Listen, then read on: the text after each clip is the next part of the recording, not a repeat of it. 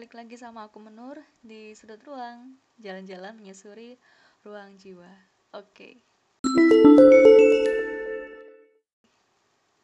Well, sekarang hari Senin jam 22.59 hampir jam 11 kurang dari satu menit jadi sorry kalau suaranya agak ngantuk terus nanti agak ngalur ngidul jadi aku bikin sesingkat-singkatnya dan sepadat-padatnya. Sebelumnya aku mau nyapa dulu dan biasa aku nggak bosan buat nanyain kabar ke diri aku sendiri dan ke kalian semua teman-temanku. Apa kabar? Apa kabar hari ini? Tentang hati kalian tentang uh, mood kalian dan terutama aku juga sih karena diri sendiri yang perlu ditanyai sebelum orang lain.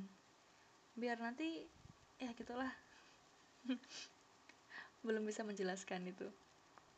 Terus uh, gimana hari ini hari kemarin kemarinnya lagi kemarinnya lagi kemarinnya lagi?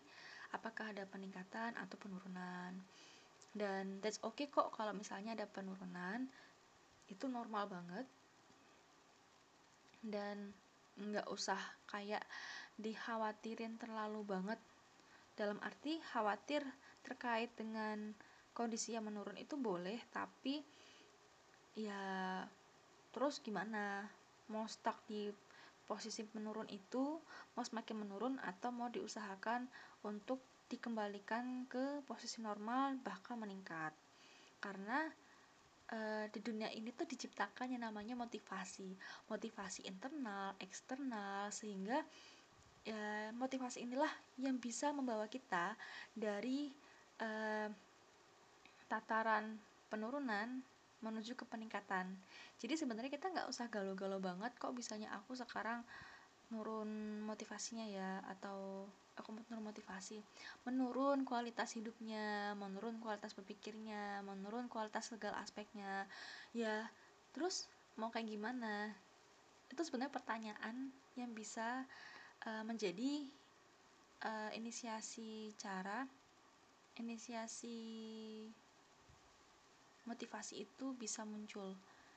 Jadi nanti akan ada motivasi internal oh nggak uh, bisa nih aku nurun-nurun kayak gini terus nanti ilmuku hilang aku nggak mau. Yaudah akhirnya uh, mulailah ada peningkatan lagi ada pergerakan menuju ke peningkatan itu atau motivasi eksternal dari teman dari keluarga atau dari yang lainnya. Uh, kamu mestinya gini-gini deh gitu coba kamu uh, biar nggak galau terus kamu olahraga terus kamu review materi-materi yang kamu suka yang kamu rasa perlu untuk pelajari. Ya udah. Dan sebenarnya pun hari ini aku bukan lagi mau membahas tentang motivasi sih. Uh, karena ya emang belum membaca hal-hal yang seperti itu lagi. Terus sekarang yang mau aku bahas di episode kali ini sebenarnya tentang filsafat. Jadi menurut aku itu yang namanya filsafat bisa nyam, bisa nyambung ke aspek mana pun. Termasuk aspek untuk memotivasi diri sendiri. Karena kalau misalnya kita ambil topik motivasi intrinsik alias dari dalam diri sendiri filsafat ini bisa main banget.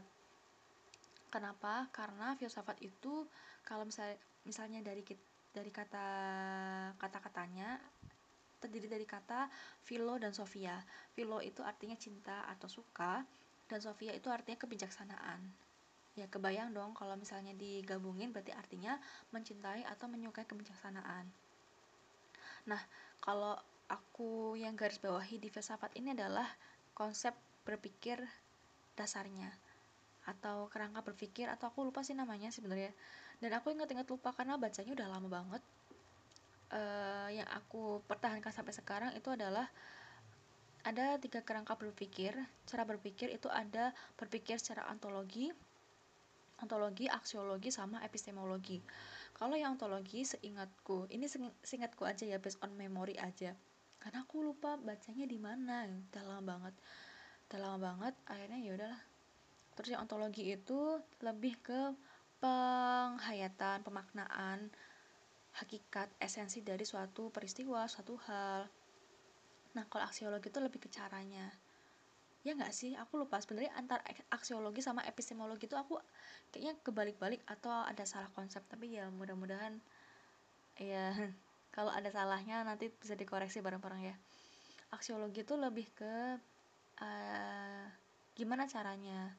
Terus kalau epistemologi itu alatnya. Alat untuk uh, setelah mem memahami makna dari suatu peristiwa caranya gimana nih biar problem problem solve problem solve ya gitu. Jadi eh, konsep berpikirnya di filsafat itu bisa kita bawa banget di kehidupan sehari-hari termasuk ketika kita menghadapi penurunan kualitas hidup penurunan kualitas akademik atau penurunan-penurunan hal lain. Demi apa demi menjaga kewarasan. Karena apa ya kalau kita fokus ke satu titik yang itu bikin kita stres itu nggak akan ada ujungnya. Dan biar kita biar kita mendistraksi itu mendistraksi dalam arti untuk menyelesaikan masalah itu kita nggak bisa menghindari. Kita tetap harus hadapi dan bagaimana caranya kita menghadapi tapi kita bisa waras. Ya berusaha untuk memaknai. Kalau menurut aku sih ini opini aja. Karena dengan maknai kita jadi bisa melihat sisi-sisi positif dan sisi negatif.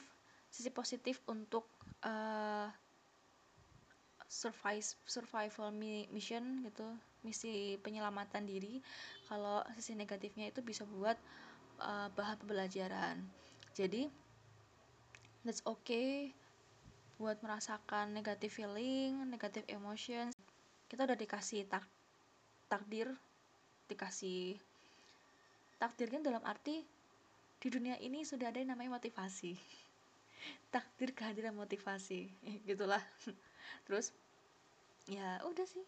Kita manfaatin manfaatin sebenarnya banyak loh sumber-sumber energi yang bisa kita gunakan untuk misi penyelamatan diri dari stresor-stresor dunia alias sumber-sumber tekanan dunia yang bikin kita mungkin up and down, down and up gitu.